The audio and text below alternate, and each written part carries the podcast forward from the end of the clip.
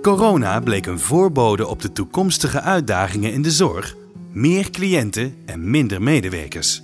Er is een versnelling en vernieuwing geweest op vier thema's: zeggenschap van cliënten, zeggenschap van medewerkers, samenwerken in netwerken en vernieuwend organiseren. In deze podcast gaat Sandra Dame, adviseur bij Vilans, in gesprek met Jacine Spaander, bestuurder King Arthur Groep, over het deelthema zeggenschap van medewerkers.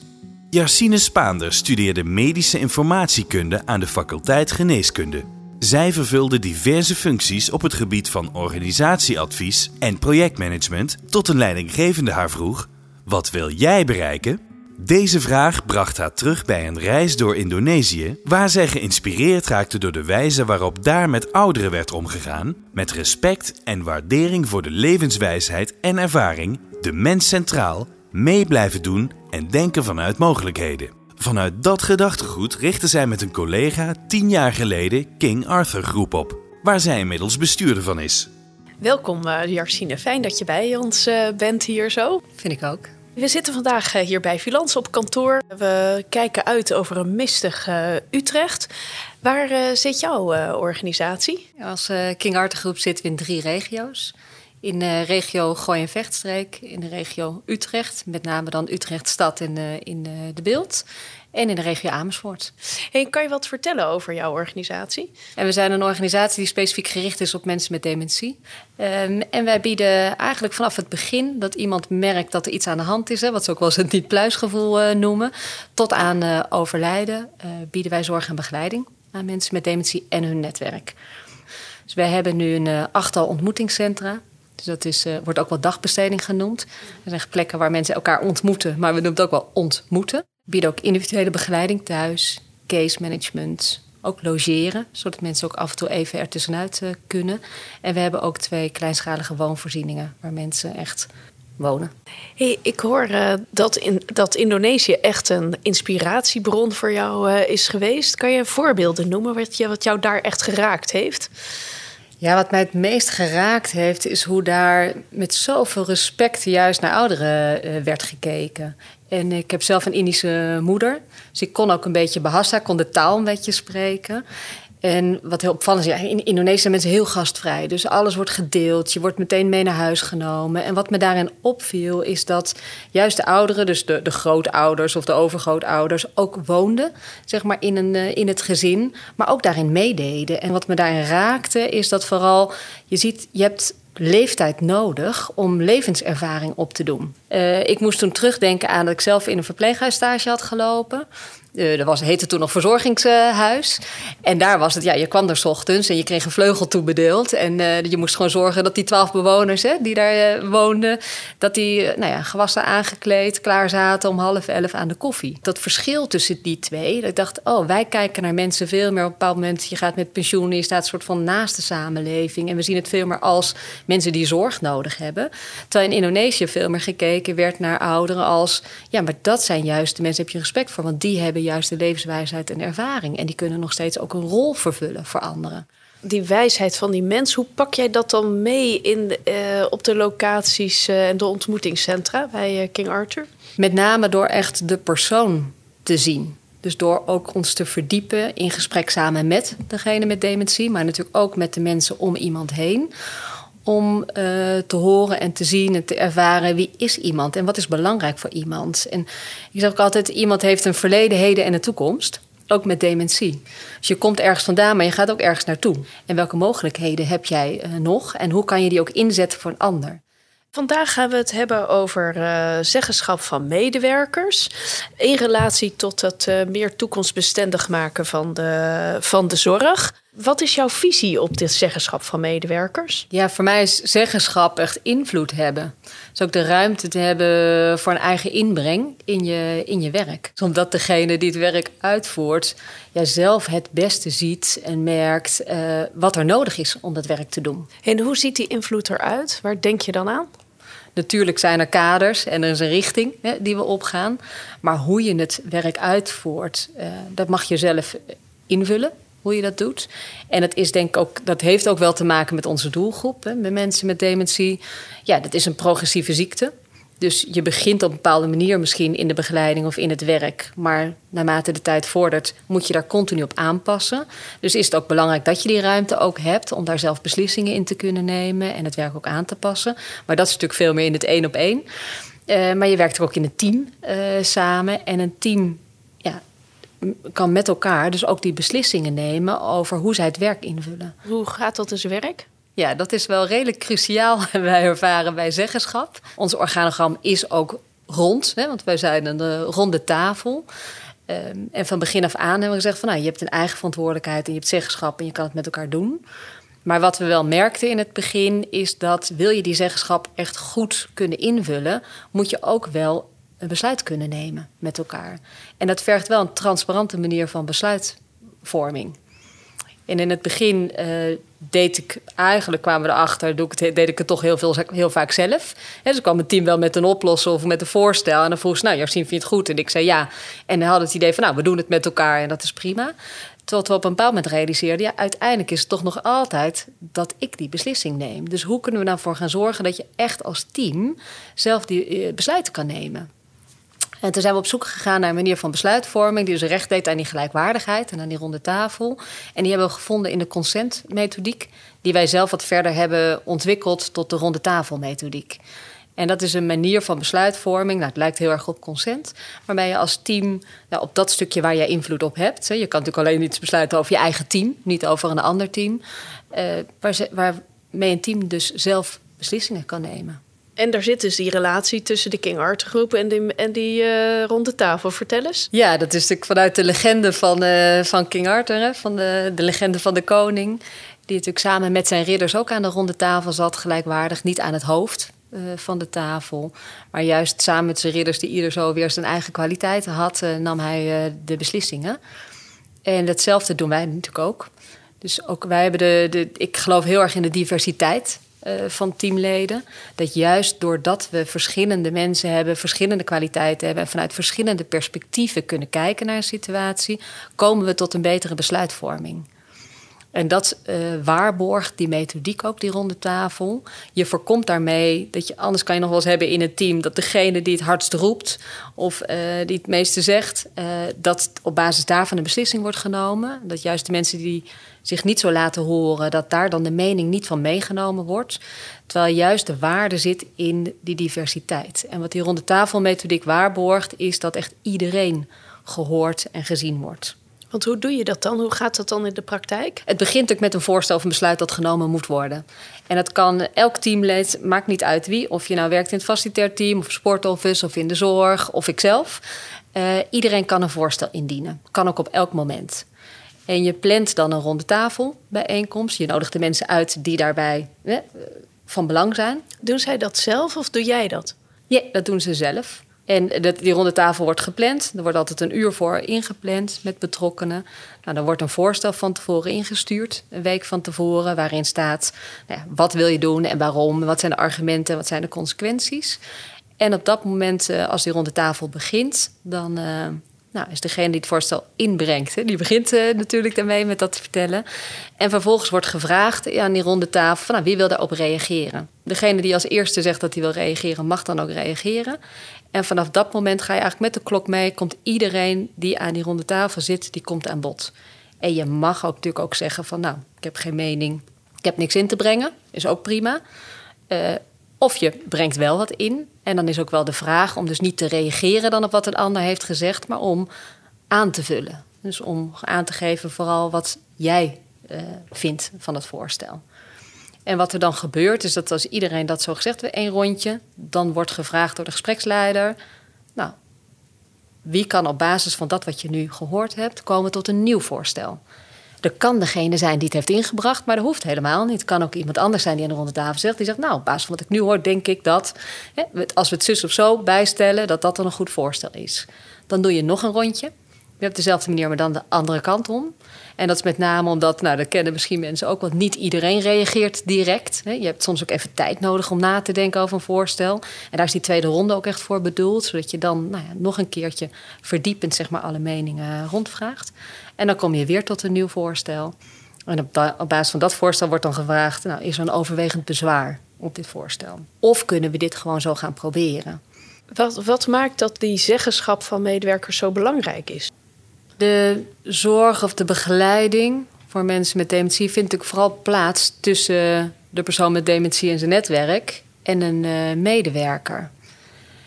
En de kwaliteit daarvan wordt ook heel erg bepaald natuurlijk tussen die relatie en in het contact tussen die twee. En daarom is het denk ik ook heel erg belangrijk dat een medewerker ook gemotiveerd is, intrinsiek gemotiveerd is ook om dat te doen. En ik denk dat voor motivatie van teamleden ook weer heel erg belangrijk is dat mensen ook het, uh, de autonomie hebben, de ruimte hebben om invloed te hebben op hun werk. En niet uh, ervaren dat er iets opgelegd wordt of dat er iets gedaan moet worden. Maar juist dat ze in staat zijn om zelf ook te kunnen beslissen over hun werk en hoe ze dat ook willen invullen. Wat doe jij daar nou voor als bestuurder om dat voor elkaar te krijgen? Niet de wijsheid in pacht hebben. Is af en toe best ook even slikken. Want je wil natuurlijk af en toe ook wel zelf een beslissing nemen. Voor mij is gelijkwaardigheid een, een, een belangrijk basisprincipe. Dat is die ronde tafel van uh, King Arthur. Maar gelijkwaardig is niet hetzelfde als gelijk.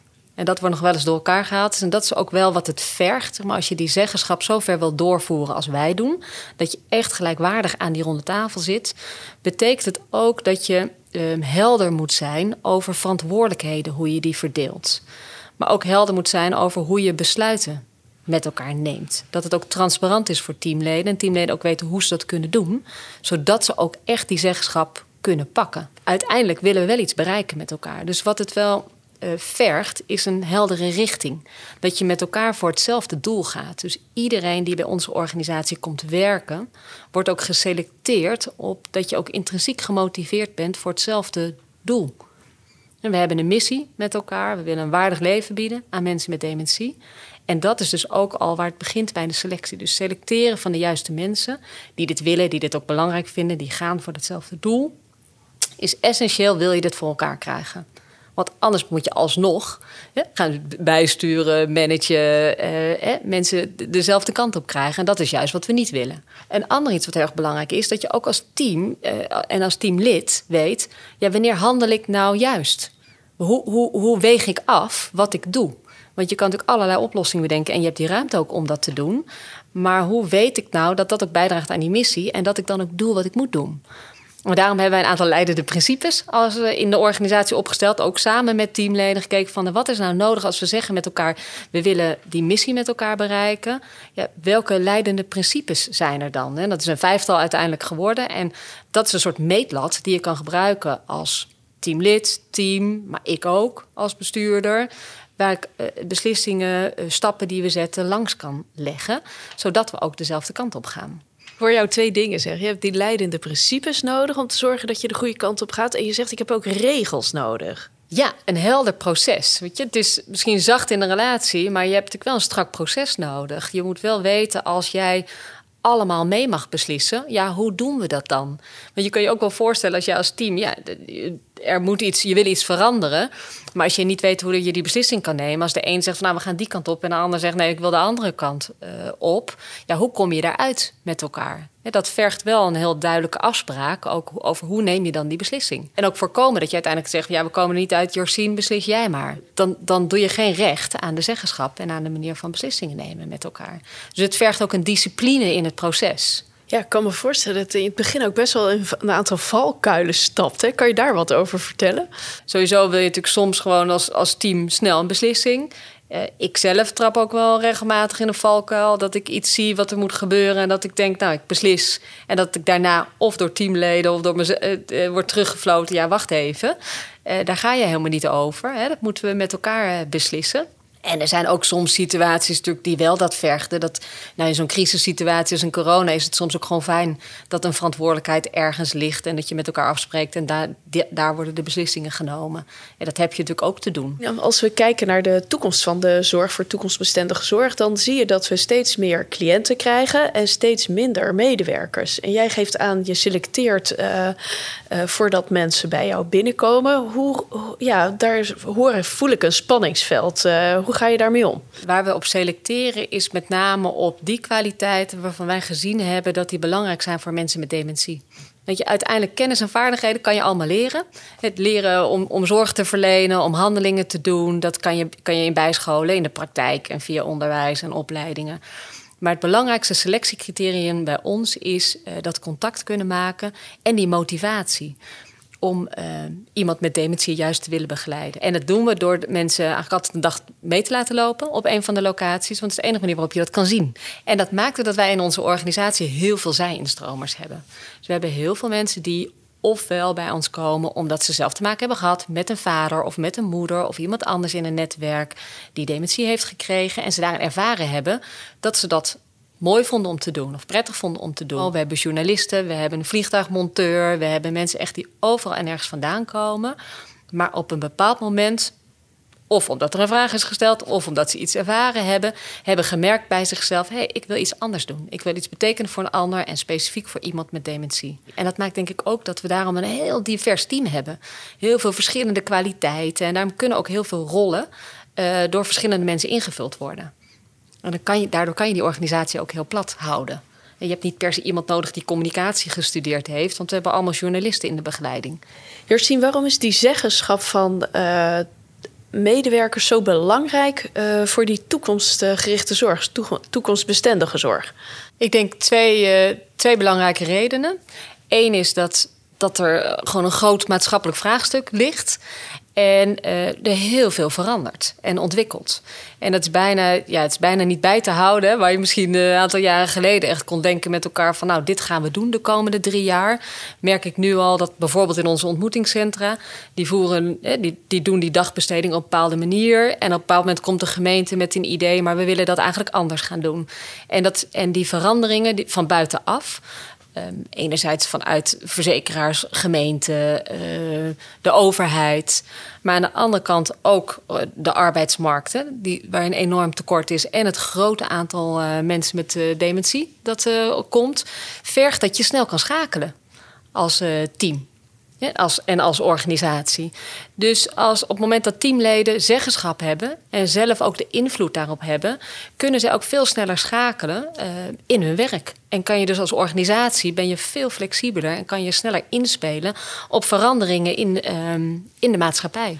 En daarnaast denk ik dat het erg belangrijk is als je dan weer kijkt naar die arbeidsmarkt en waar zo'n tekort is is het ook heel erg belangrijk dat teamleden die in die zorg en begeleiding werken, dat die ook gemotiveerd zijn en dat die ook dat werk willen blijven doen. En daar ook plezier in hebben. En niet uiteindelijk door een te hoge werkdruk of uh, door stress uh, gaan uitvallen. Of bij je organisatie weggaan en ergens anders naartoe gaan. En daarin is denk ik ja, zeggenschap heel erg belangrijk. Want als jij invloed hebt op, uh, op je werk, waarbij je je betrokken voelt, ja, voorkomt ook dat je stress krijgt en werkdruk ervaart. Als er bestuurders zijn die zeggen: Ik wil hiermee beginnen. Dit, dat zeggenschap dat moet een belangrijkere rol hebben. Ik ga ermee aan de slag.